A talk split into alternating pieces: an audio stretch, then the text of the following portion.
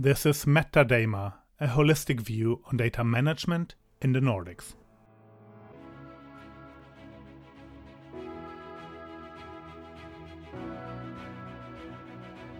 Welcome. My name is Winfried, and thanks for joining me for this episode of MetaDAMA. Our vision is to promote data management as a profession in the Nordics, show the competencies that we have, and that is the reason I invite Nordic experts in data and information management for a talk. Welcome to today's episode of uh, MetaDAMA. I have the pleasure to talk to uh, Ida uh, Haugland today. Hey, Ida. Hi, how's it going? Uh, fantastic to have you on the show. And we're going to talk about the future of shipping and logistics. And we're also going to talk about product management and the importance of thinking of product management in the way we are working. We're going to go through a concrete example about a success story of digitalization where product management has been a really essential part of it. And then we're going to focus on product management itself. And do we have a common understanding of what product development is? Are we in our companies mature enough to talk about product management, product development? And especially when we talk about data, um, we talk a lot about data as a product, data products. We're going to talk a bit about the difference between those, but also um, this shows how important that product management thinking is for the way we work. So, Ida, this is your chance to introduce yourself. Cool. Yeah. Um, so, my name is Ida. Uh, I'm from Norway. I work as a product manager in a uh, Norwegian startup called Klaveness Digital. I've worked as a product manager in Norway now for about seven years, but I've worked in tech since uh, 2010. I feel very old right now. And uh, yeah, I've done a bunch of different roles in there. Uh, I first got introduced to just like working in tech and also in terms of data when I took one of my first jobs really after college, which was at Facebook doing user support back in 2010, uh, the Norwegian market and also and also UK and Ireland. And from there, I kind of did a lot of different roles in the company. Uh, one of the things that I learned there was SQL, and that's also how I kind of fell in love with data because Facebook at the time wasn't what Facebook is right now. It was quite different and it was in a very different vibe and environment within the company. And it was like really, it was just super open in terms of like, what do you want to learn?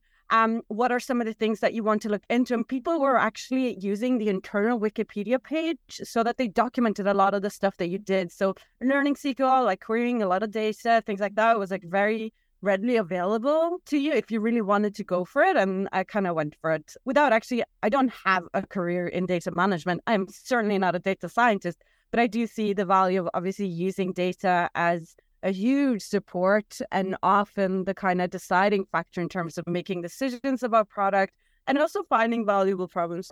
This is a fantastic intro. So much interesting here. I don't know where I should start, but I think there's something that, that kind of uh, reappears as a pattern, and this is that um, in the work you have been doing, you have been quite close to providing value through data, through products, through digital. Um, yeah, you could say that in really a lot of different ways. So I think like the way that, at least like for me, I've been using data in the jobs that I've had has really dependent on the kind of company that I work for and what they're looking to solve, and also how they see their role as a product manager. Like I would say, for instance, at Facebook, like one of the things that because I started getting interested in data and kind of querying that, then I kind of naturally, well, for me, I guess at the time, I just like went more and more in the direction of kind of spam detection.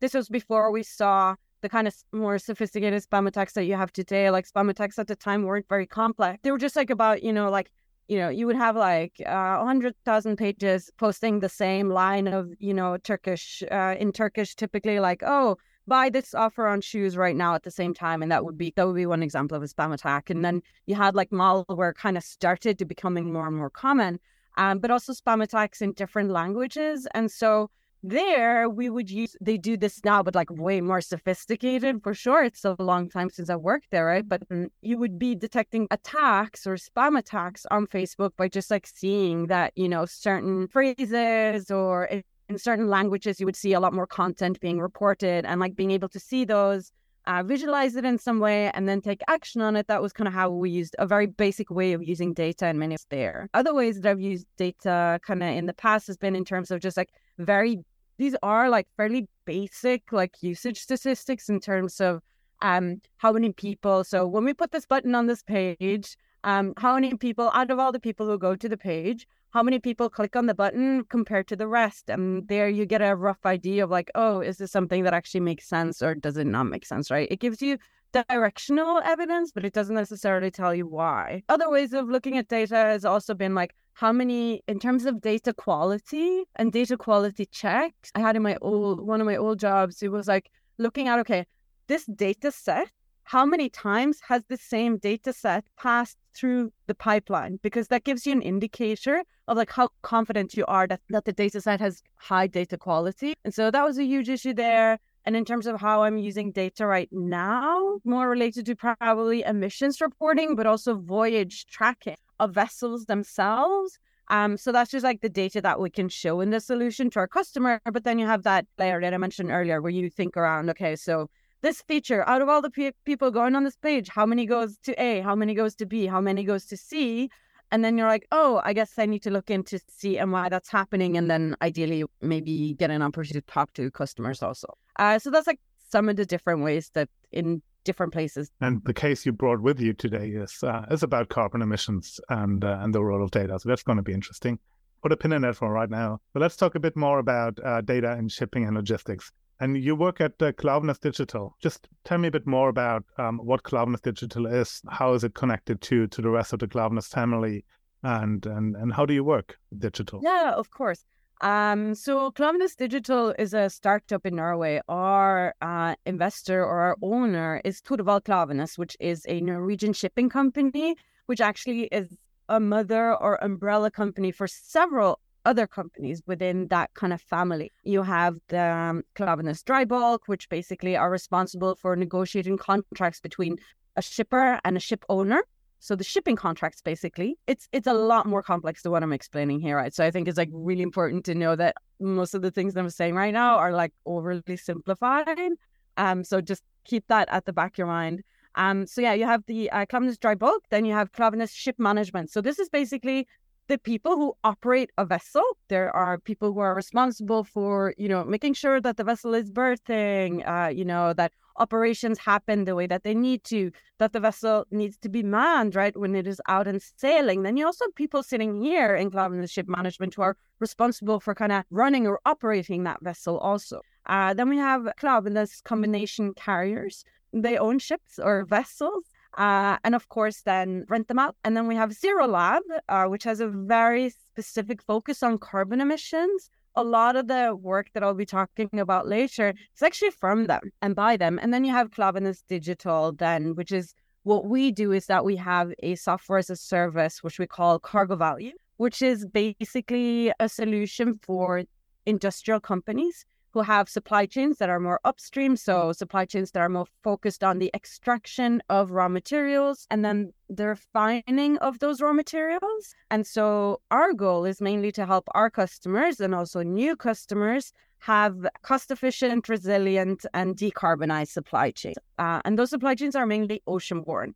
And we can talk a little bit about why we have a focus on ocean-borne if you want to, because it makes sense to have that focus. But then, of course, supply chains are very, very complex structures and not only limited. That's Klaveness Digital and what we are doing right now. And I think in terms of thinking around like Cargo Value and the solution that I work on, like I think there's a couple of things that might be helpful to know about supply chains because I feel like supply chain is like a word that we throw around a lot. What is a supply chain? A supply chain mainly is just when we talk about upstream supply chain, where we use dry bulk, which is basically anything, any cargo that cannot moved in containers. So, an example of a supply chain mining iron ore out in Kiruna in Sweden, putting it onto rail cars, getting it all the way down to Narvik, putting it on a ship and shipping it out to customers. That can be one that's one part of a supply chain. Usually that iron ore will be refined somewhere else and then made into products that we actually sell. Another example of a very complex supply chain is if we think about the aluminium industry where, you know, to make aluminium, you need to first have bauxite and caustic soda. Then you need to produce alumina, and then you will produce the uh, aluminium. And these things aren't actually done in the same place or location. So upstream supply chains, when it comes to industrial companies, are incredibly complex. You're basically sourcing from all corners of the world, and you have limited storage space. So you cannot get in infinite. You need to track like how much you're using and also how much is coming in and when is it coming in. You have all of these vessels coming in at different times, ideally. You want to make sure they do not come in at the same time, so they have to wait. You want to make sure that when one vessel comes in, you can berth it so that you can discharge your load as fast as possible. And also, of course, you want to have no shortages of stock at all because closing down production is actually crazy expensive. So there's like a lot of re- kind of complex and also interconnected processes that happen here. If we look at the last three years, for instance, the 2020s have not been fun. It's been extremely stressful. First, you have COVID with a bunch of closures, imports, um, production sites to some extent. Then you have war, which disrupts the entire global supply chain. And so, if anything, given that we are talking about data and how important that is, the data need has exploded in oceanborne supply chain, I would say. Fantastic. And then in addition, you get boats stuck in the Suez Canal. Yeah, that's like a really good example. Like in our uh, in cargo value, uh, in our solution, we were actually looking at the vessel and zooming in on it and seeing it on the map and saying like, oh yeah, that is blocking. Um, so you have things like that that happen all the time. Like oceanborne supply chains are they are subject to a lot of disruptions. You run a really high risk actually when you do oceanborne supply chain, but also like why wouldn't you? It's quite well run there's already a lot of processes established around, you know, kind of finding a vessel or finding a shipper. And there is a huge market there. And you can move so much material, right? Like vessels can take up to 70,000 metric tons. 80,000 metric tons. Like, however, you're also running, again, you're running the risk of maybe uh, there could be port congestion in the port where you are uh, getting, yeah, in this case, alumina, I guess that you're loading onto the vessel. There could be bad weather.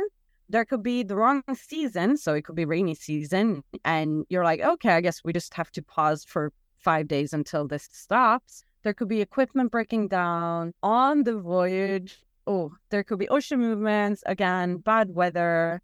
Then you get there and then there could be additional issues. So it's just, it's, it's a very, very complex operation and it's really difficult to get visibility in terms of what's happening. In terms of value, if we think about some of the materials that are moved on these vessels, so we think about so bauxite was like the basic one, doesn't have that high value. Like one shipment, maybe of like seventy thousand metric tons, could be about, including the freight, would be about six million dollars. So, but then if we look at alumina, for instance, where you have some raw materials that have then from another one, uh, we're looking at twenty six million dollars maybe but if we look at something like corn and you have a high price of corn, uh, we could look at more like 70, 71 million, 70 million plus. So it really depends on the commodity being also. And these are massive volumes, right? They will take days to uh, load or discharge of the vessel. So it's just, but again, being able to move that, like, it's actually pretty amazing. So all what you talked about now about um, the supply chain and all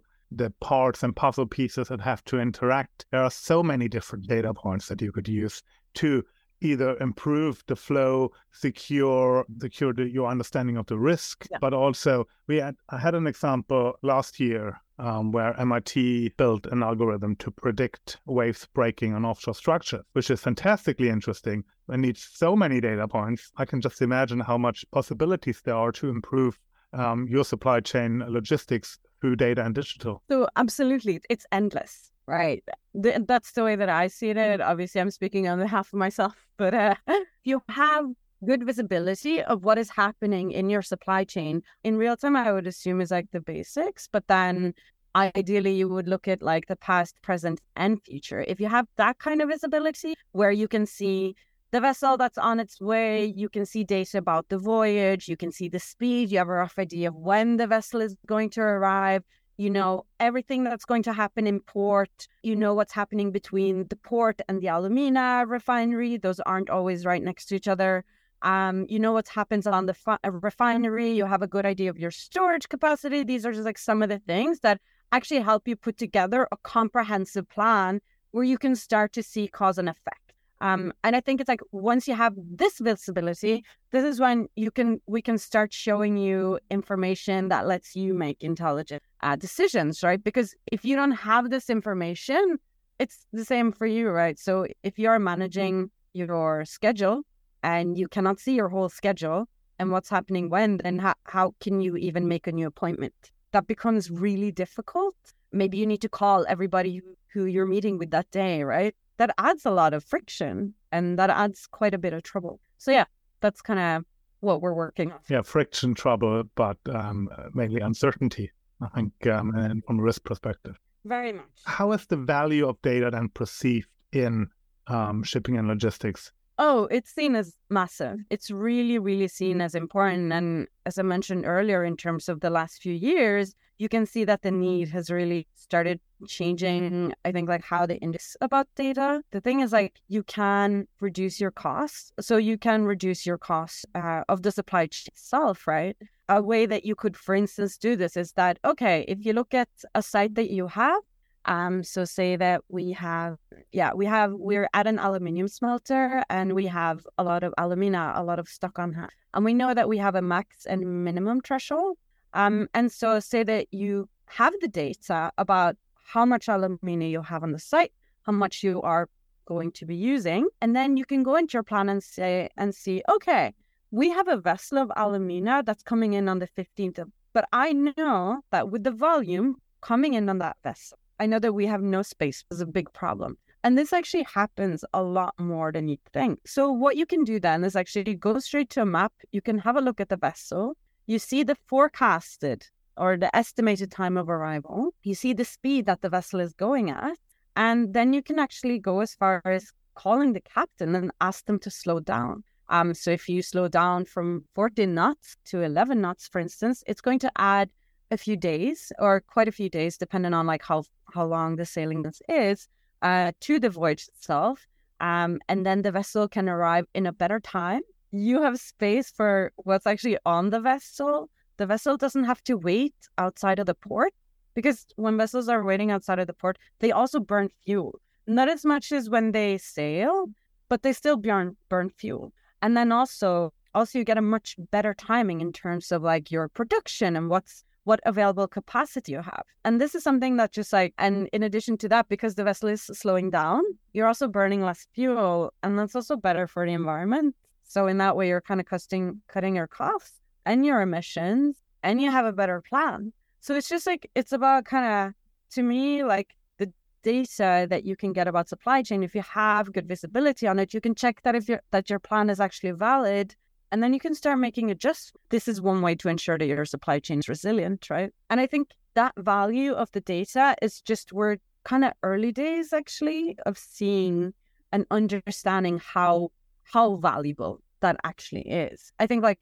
if we take it more into, you know, if we look at like more kind of finished goods and we think about how data has changed supply chain there. So basically, if you order a jacket, mm, you can more or less follow it from its you know, dispatched all the way almost to the minute until it's delivered your door. That's pretty insane.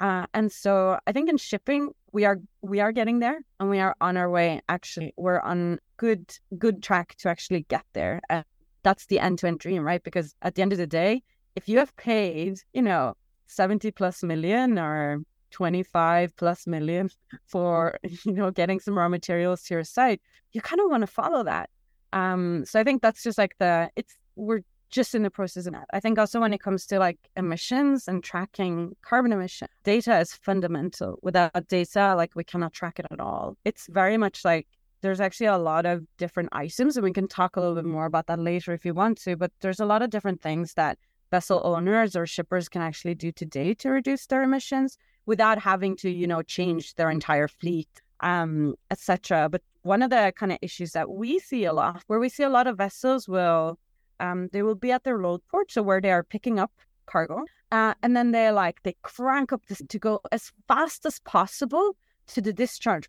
Um, so they're just like 40 knots, uh, let's just go for it. And then they do. And of course, you burn lots and lots of fuels and fuel in the process. However, when you arrive at the discharge port and you're basically waiting for your queuing ticket because you cannot necessarily berth immediately, right? Like most ports actually have lots and lots and lots of other vessels also wait. Um, then they really rush there and then they end up waiting and waiting in maybe 10 days, waiting for 10 days, 15 days. That also has a cost. Um, and so this is like one of the challenges. See, uh, we've actually found that like about 15% of all the global emissions from shipping are made up of this like racing, so burning lots of fuel and then waiting, burning even more fuel in the port. So that's like that's a good example of something that's like if you can change a practice or the way that people behave, you can actually make a real dent and a very big difference in terms of carbon emissions. Fantastic. I, lo- I love the way that you bring in real life examples um, to make this uh, vital. So I think the carbon emission uh, case that you, you started to talk about is a case that, on the one side, shows how important the role of data is, how important um, the role of getting enough information about um, a certain case, a certain procedure, certain process to either improve it or transform it uh, entirely. On the other hand, it also shows the importance of um, good digital product management. So, we, before we go into the product management part, maybe you can just explain a bit more on what concrete actions you got out of this case to the ship owners to minimize their emissions. Yeah, of course. So in this case, if we talk about the kind of rushing to wait that I just mentioned, like that's like one thing. So just like slow down, you know, that's like number one. Slow down. Uh, slowing down can help. Again, lesser emissions, uh, better planning, adjusting plans, and like making sure that when the vessel arrives outside of the port, then ideally you could go straight to berth, right? Instead of waiting for a couple of weeks which is just it's a waste of everybody's time and it's a waste of resources and it hurts the environment massive. Um, additional things that ship owners or shippers can also choose to do is just like use larger vessels. If you use larger vessels, you can move more cargo, which means that you use less vessels, less voyages. It makes sense. Though a lot of places in the world, like obviously having a limitation of the port or the berth size is an issue there, and some of them just cannot actually take in larger vessels. So that's a blocker there for many. Other things is just to utilize the full tonnage of the vessel itself. So instead of uh, filling it up, you know, kind of 90% and try to go for 100 if it's possible, if the weather allows it. Other things we've found is just like reducing ballast distance. So by reducing the ballast distance, what we mean by that is like when you as a shipper sit somewhere and you're like, hey, I need to move 55,000 metric tons of corn from A to B, then look in the region closer to you for a vessel. Don't look, you know, 4,000 nautical miles away. Look maybe 2,000 nautical miles away first, um, because that also impacts how much emissions that you are going, uh, how much carbon emissions that you will um, have. Don't want to interrupt you, but this is really interesting um, because we had a previous episode with uh, Ruter in uh, in Oslo, and they have an ordering service for for yeah. buses. So elderly people can order a bus to pick them up at home, basically. So they built an algorithm to figure out where is the best place to be on standby for those buses when they're not picking up people, so they have the least possible distance to drive to to the pickup point. Yeah. So is there anything similar going on here as well? We are not doing that in Klaveness Digital, but you could definitely do that. It depends on what you're optimizing for. If you, you know, because like th- there might be a good reason for picking that vessel that's further away, but that's something that you could do. I know that there's a product under one of the one of the other companies in Torvald Klaven, uh, under dry bulk it's called and they have a product which is called market manager which one of the many things that it actually does is like it shows you the uh, available vessels, depending on a bunch of different criterias in the world, so that you could actually find a vessel that is closer to you that still meets your criteria. Um, so it's definitely, I think, like it's a really good point that you're raising because a lot of the kind of principles or thinking behind other products can be applied in shipping. Yeah, yeah, that's a very good example. Like, yeah, there's lots of other things that shippers or ship owners can do today in terms of just reducing their emissions, which isn't really going to, it's going to cost them a little bit in coordination, but also the vessel type that you choose as a shipper. Some vessels will release uh, a lot of carbon, others won't, right? It depends on their engine, it depends on the age, type, make, etc. of the vessel itself. And like all of these are different things that you can basically use or take in as a part of your plan or your freight planning that can help you get a more and more green supply chain. And there are companies that are really trying to get supply chain. There is a case to be made for both making green aluminium, green steel, And large actors or large industrial actors in these sectors are taking huge strides um, to work towards that. That makes sense, right? If you have a green production on the one side, but you have a, a brown supply chain, kind of evens out your, your carbon emission and you did your footprint, right? Yeah, absolutely. What I think is really interesting from my data governance perspective on, on that case is um, who has the responsibility to ensure that you can collect quality data on all those data points that you already mentioned. Um, is that the ship owner? Is that the uh, responsibility of Klaveness? That would be really interesting to to get an understanding of. Yeah, so it's actually today. I think like in terms of it, it depends on like which regulations that we're talking about in terms of paying for the themselves, right? But um, my understanding of it is that the EU they want the ship owners to pay, but the ship owners they can pass on that cost to the shippers, right? Um, like I think when it comes to like laws in terms of the shipping industry and carbon emissions, there's a lot of changes happening there, right? Like we had the International Mar- Maritime Organization, which is under the United Nations. In 2020, they introduced um, a cap on the amount of sulfur that you could have in fuel used for vessels. So it went from 3.5% to 0.5%. And the industry adjusted overnight, uh, which is quite quite impressive. But the next kind of big challenge, I think, for which is a, a challenge of our generation and the future generations, is actually removing carbon completely from shipping. And that is the big thing of shipping. One thing is like the data collection and ensuring that, like in the EU, I, you have to report on emissions to some extent, but there is no unified format or metric across like the UN, the EU, you know, other parts of the world, obviously, like there's a standard that's lacking and there's disagreement about what the standard should be and why it should be uh, what it is. That's like one thing. So you have some disagreement in terms of like how you actually measure it. Then when it comes to just like, okay, if you own a vessel and I want to use it, then what I could potentially do is that I can add in our contract that you are required to actually report back the emissions from the vessels to me so that I can report on the carbon emissions that this has caused. So there is, you could add that, but that's not the standard today. It's more like the exception, but it is possible. So there's things like that or initiatives like that that you can that you can take. Interesting, really interesting. Just to get back to that um, the case we talked about in the carbon emissions. Yeah. How important is digital digital product management in that case? And what does it what does it mean? Um, that's actually really good. So what product management means in that way is that all of this data is coming in, right? And I think at least like to me in terms of talking about big data, and I'm not talking about just like shipment shipping now, I'm talking about like any industry that uh, at least that I have a relationship to. So any industry that I've worked in. So basically like tech, B2C, uh, it would be media, and then also shipping uh, both like container and also dry bulk. So big data is awesome. Everybody loves big data. Raw data coming in at you is like the tides. You, cannot stop it. Uh, you can make sense of it now. You certainly couldn't, you know, a really long time ago. But it just you you need to be able to not just like taking data. You need to be able to assure quality. Um, you need to be able to display it in a way that, that makes sense. And you also need to display it to the customer or the user in the right context that means products because we cannot as people who are so i'm i wouldn't consider myself actually very literate in data. I think i'm at, at like not the highest level but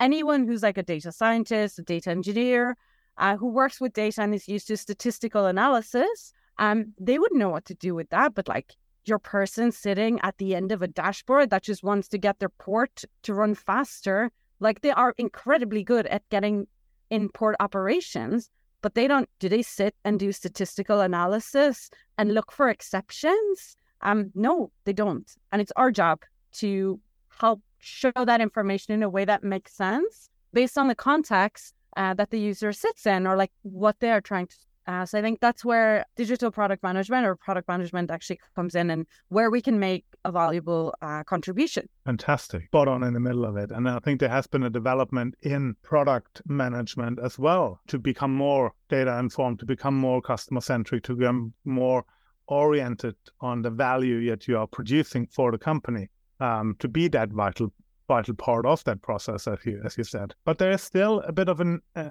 I don't know, maybe misunderstanding of what it is. There are different approaches to product management. There are people still uh, misinterpreting product thinking with the project thinking. So, what what is the big difference between project and product? Yeah, that's actually a question I get quite a lot, and so I'm really glad that you're bringing it up. So, the biggest difference between project thinking and product thinking, from my point of view, is that a project has an end date. Uh, a project usually has a so should products also when you build them should also have a well defined scope, but that's not it's not always you know everything when you start developing something, right? And so a project has limited scope or much more limited scope and it has an end date. A product doesn't actually have an end date because when you make it and you put it in front of customers and you sell it, it doesn't stop you know you cannot say oh my product has an you could say for like some products that you want to sunset or like stop supporting you could say ah oh, this has an end date right? Like people can mm-hmm. remove products to some extent but usually it would also mean replacing it with something else or something better. And so in terms of product mm-hmm. where product management and project management and thinking behind it is a little bit different is like in terms of product you're like okay yeah so we are going to solve this problem and then we'll see what is the right solution. We're not quite sure but very often, also, you have an existing product that you need to maintain. You need to make sure that customers can log in. You need to make sure that it's not, uh, you know, kneeling or like, well, not working. You need to solve bugs. You know, there's improvements that need to be made and so on. And it just doesn't, a project can, of, of course, they, they don't normally, but like it can be done somewhat in isolation, but product management can't really be done in isolation of the rest of the product. Like, I don't think I've ever had a job where it's like, hey, here's a white canvas, start from scratch. Like, that never happens. There's always some product, some product feature that already exists. So you have to have at the back of your head. And so, when, at least like for me, when I work with, uh, when I do uh, product management, it's like, I not only do I think about, okay, what's ideally what's like the kind of end state of this product or where do we think we go once they have enough information of course then it's like also but when does the product go into maintenance mode? When are we only supporting bugs or when are we only, you know, we're supporting bugs or monitoring uptime, downtime? Like when we go into that and kind of stop acti- actively developing on it. But you still have to, like, my, as an example, my team is still fixing some bugs on a product that we work on for two, uh, you know, two years ago. So it just doesn't stop. but I think that's a good thing as well because it forces you to do really hard prioritizations which is healthy. The company I worked for uh, before did a split um, between plan, implement, and operate uh, stages. And you could have projects in all three of those stages, um, but they might not be connected. Yep. So you have a planning project, and then the project is finished, and you have kind of a handover to someone who's going to implement it, and they start a new project, and that's like a, a, a circle. Yeah, Exactly. Yeah. So, and then in product management, you would just do all of those things. I think that's actually a really good way of summing it up. So, thank you for that. I will, I will reuse it with your permission, hopefully. But yeah, that's actually that's exactly what happens, and you just kind of those. I think it really depends on like your background and where you're coming from and so on. And like from my point of view, like those things aren't separate and they cannot be done separately because there are constraints or things that you need to have at the back of your head when you're planning something. You need to have think a little bit about how it's going to work when you know when the team is no longer actively developing on it right so in project management we talk about um, constraints of a project right there's cost constraint there's a constraint on scope constraint on time and the focus on those constraints would differ if you are on a waterfall project, if you're on an agile project, if you're on a lean project. How important are those constraints when you talk about product management cost scope and time. They're still they're still equally important. I think one of the hardest things with product management is coming up with those boundaries in the first place right? So they are equally important but whereas like in a project you will put it for the project itself in product management you might put it for the one feature you're working on or like a part of the product or on on that specific problem that you are solving. I think one of the things that's probably the this is like really I think you really hit the crux there. Like it's one of the hardest mm. things with product management also because sometimes you might you you might end up like looking at a problem thinking that it's really valuable. You spend tons of time working on it maybe not even with a full team but maybe a pm and designer works on it together mm, and then you find out it's like oh this is like really no and then you have to throw it away. This is like one of the things that makes kind of product management and like doing product development in like the i guess like newer way because you don't mm-hmm. have as many hard constraints always it makes it really expensive. It also makes it really difficult to trust, right, for people around you and the company around you because you can deliver value, but you're not exactly when. And it's like trying to come up with like good processes. And there are hundreds, if not thousands, of frameworks out there in terms of product management. And also, I think a lot in project management that you can apply into product management also that are really exciting to to kind of explore.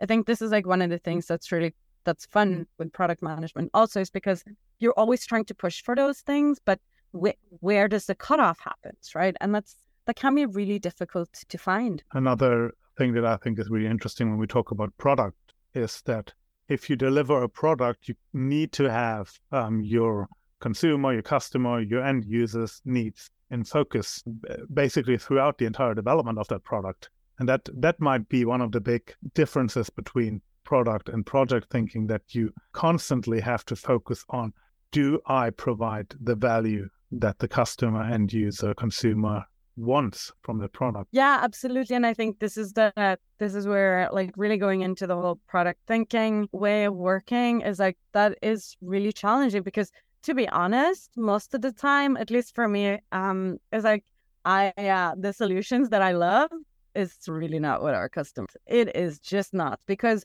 I don't work in a port. I have never worked in port operations. I've never worked in a port. Like I have a, com- I'm coming from a completely different place than what they are. So what I like and what I think is fancy and what I enjoy is definitely not the same as them. And I think that's it, it's another aspect of it where it just at the end of the day, like we are not building product for ourselves, and it's like separating out yourself there, which uh, in my experience, I can see that some people may struggle a little bit with, uh, myself included. I was thinking about this a little bit yesterday. And I think, as an example of that, I would just like, uh, in terms of product thinking and like being able to, uh, I think also being just being able to imagine what solution you would have. One thing is like what I would like, but being able to imagine what you can have is like really, really difficult. Like, uh, so we have Google Home uh, at home in our, um, you know, for better or for worse, but it's not like years back that I that I would actually sit down like now with you and say, "Oh, do you know what? I actually really want to turn on the radio by using my voice." I, I wouldn't because a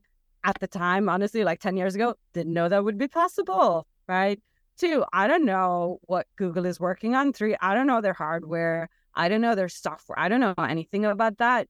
But however, they made this product and I really like it no, I don't really like. That's not true, but I do. I do kind of like it. It's handy, and I use it every day. And that's like again, it's like going back to the whole like product thinking and also around solutions in particular. Is like again, I'm not building for myself, so I'm not the one that can tell a user, oh, this is the right solution. I can test a bunch of different solutions and try to gain learning from that, and then we will very likely land on the correct solution.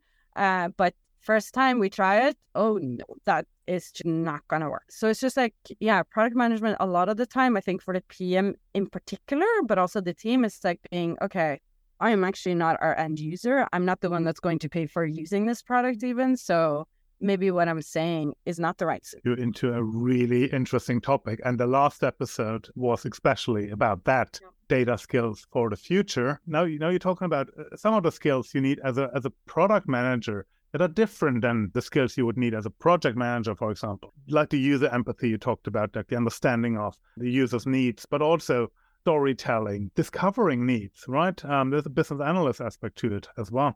Is there any skills or product management skills that you would say those are the ones um, you need for the future? Oh, you do have very good questions. So I have to give you that. Like, really, those are very good. I think, like, that we just discussed is just like separate yourself from the product you're, because you're probably not making it for yourself. You're making it for someone else. You're not going to be the main audience paying for this. Don't, don't mistake your own opinion for the right opinion, right? That's like the very, very first thing. The second one, I would just be like, be humble and be humble to what your team can contribute with because very often like they will come with suggestions to solutions and test them out like try out everything. I think that's really really important. And of course data in terms of like skills for the future like doing product management without being able to analyze any data i don't know how that is possible. Determine those is really key. I think also yeah uh, a conduit for communication in your entire company because few people in a company talk to across departments as much as product managers do. We talk to sales, we talk to marketing, we talk to software engineers, we talk to our customers, we talk to our C level people. You know, we talk to other product managers. Like we really talk to designers, we talk to everybody. And it's like, if there's some information that's mentioned over here when you talk to sales, and if that's useful for someone in engineering, then you're the one that can carry on that message and like help bring the company together around that. I think that's that's another one. And like don't be secretive about information. Be really open and be open also about what you know and what you don't know because we don't know everything. And I think that's um, also very important to realize. Thank you so much. Um, Jeff, something about, and uh, we realized it in every project um, I was involved in, that there is a difference if you ask your customer, what do you want from the product um, compared to what do you need from the product? Yes. I'm so glad you mentioned that. Uh, I was going to get to it. It's uh, or like I'm so glad you mentioned it because I was like, I need to make sure they get that part in. And when I talk to customers, and I have made so many mistakes, I'm still making mistakes. So, like, this again, this is like not a right or wrong way or anything like that. Okay. I just want to be very pragmatic and very honest about that. But, like, for me, it's like the difference between those two are really, really important. So, it's like, as an example, like, I was working on a product that we called scenarios, and I talked to customers a lot about this. The difference that you're mentioning there is basically, yeah, it's exactly how you're asking the questions, right? So what I didn't do was that I asked, oh, what kind of scenario planner do you want? Tell me. I, I didn't ask about that. What I did ask them about, however, is, hey, can you show me how you make a scenario? Or tell me a little bit about the last time you made a scenario. And there's a few things that I can get from that, right? So what they often did was that they would go into their Excel sheet, uh, of course, and then they will copy columns of their current plan and then put it into a new tab and give that tab a new name. And then they will make some changes to the values and then they will compare the calculation that they get with the calculation that they have in their original plan. So there's lots of information in terms of scenario planning that you can get just from that is that A, okay, scenario planning and their current plan are completely intertwined. They do not exist separately. Two, when you create a scenario, you never start from scratch. You'll always start from where you're at right now.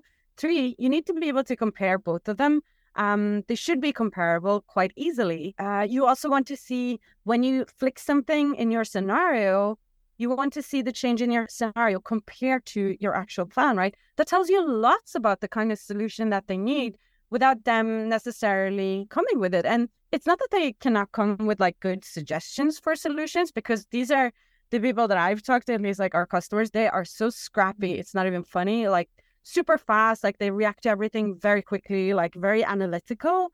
But it's like they know supply chain and how to do supply chain really well for their area. What can be a little bit challenging for them is like just thinking, okay, yeah, but what are all the different ways that we can show this information? Like a designer is really well equipped to do that. So if you can combine the two and the competency and a software engineer will be really good at, you know, coding it, making it fast, you know, being able to compare those two. And it's like when you combine subject matter expertise with the expertise of the team, and the product manager, in my mind, will typically be the one working with both and facilitating all of that and helping them, you know, get on the same page. That's when you very often have a good solution, or that's when you have the right, uh, in my experience. And I think you there's something really important that you said here that can't stretch enough, and that is the technique of observability trying to just be looking over the shoulder of people and on their daily work and see how they do it and what can be improved is a much better way than setting up a four hour workshop and try to figure out what they want. Yeah, absolutely. And also, what's really nice with that is that you get free validation on the way, right? So you can figure out pretty quickly. There's some things that you can just exclude off the bat. I think one of the things that's it's a big challenge for anyone who works with product management or develop or anyone who works with product really for any industrial companies is that it's actually quite difficult to get people to, to talk to because they have so little time already. They are stretched so much. They're busy, you know, trying to make sure that the supply chain runs really smoothly. So it's just that can be a challenge. But then there are there is possible ways of kind of finding proxies for that. And there's certain things that maybe you, you know, like uh, UX issues or usability that it's some software just works, you know, magically when you try it. And that's usually when they have applied universal usability uh, principles, right? You don't have to test that with specific users. Sometimes it's just, you know, in the way that dialing on a phone is always the same, there are similarities also in yeah in other products and that's one of the questions i always get asked and this is um, i think it's really important because most of those problems improvement products they happen bottom up they happen from where people actually use those products and work with them. But at the same time, you want to have a strategy or a plan or strategic alignment on what you are developing and what products you're putting your focus on. So how do you combine those two? Because they don't often go um, in the same direction, right? They definitely not. Well, I guess like this is a part of a product management, right? This is stakeholder alignment. Uh, in a nutshell. Um, so it's basically being able to find the valuable problems for your business that your team can solve. And it's basically like getting all those good solutions and making sure that you communicate it upwards, horizontally, you know, to the team, to everybody all the time, and then really work with the people who are in you know, who are deciding uh, the strategy or the vision, or if you can impact that in some way, make sure that you surface those user problems, needs, the impact, the value of solving it, make sure that everything you do is really support has like strong market research behind that you know the latest trends that you have really strong competitor research all of this like that you know where in the market you're going to be placed compared to other solutions if you do this thing. It's like that's also a really important aspect of it. It's just like basically building a supporting or you know if you find out something that's like not mm. supporting what you think you should be doing then maybe you're not doing you know, maybe you're focused on not the most valuable thing. That's happened to me lots of times, right? And it's like, that's a good thing because if you find that out really early, it basically means you saved your company like quite a bit of money. We are already at the end of it. Ah. That went quickly. Thank you for a great conversation and a great introduction into digital product management. Same to you. It's an absolute pleasure, and I'm. Uh, it's been super fun to talk to you, and also I'm very. Uh, uh, I'm very flattered to be a part of actually this podcast and in terms of data management because it, it's an area that I just really, really have a lot of respect for. And I love working with people who are good with that. So, yeah, thank you. Do you have any key takeaways from our conversation or any call to action? Ah, very good. Yeah, uh, any call to action. Uh, if you work in shipping or if you work in a company that actually do move large volumes of cargo, they're thinking about how you can reduce your emissions because legislation is right around the corner. Not only because it's the right thing to do, but also because it's going to cost quite a bit of money. There is more and more kind of third party solutions or uh, software as a service where you can start really tracking the uh, carbon footprint. And also that's available to us, right, as end users. And I think having an idea of that and having and making conscious decisions around it is incredibly important. And I'd encourage everybody to do that. Oh, fantastic. Thank you so much. Thank you.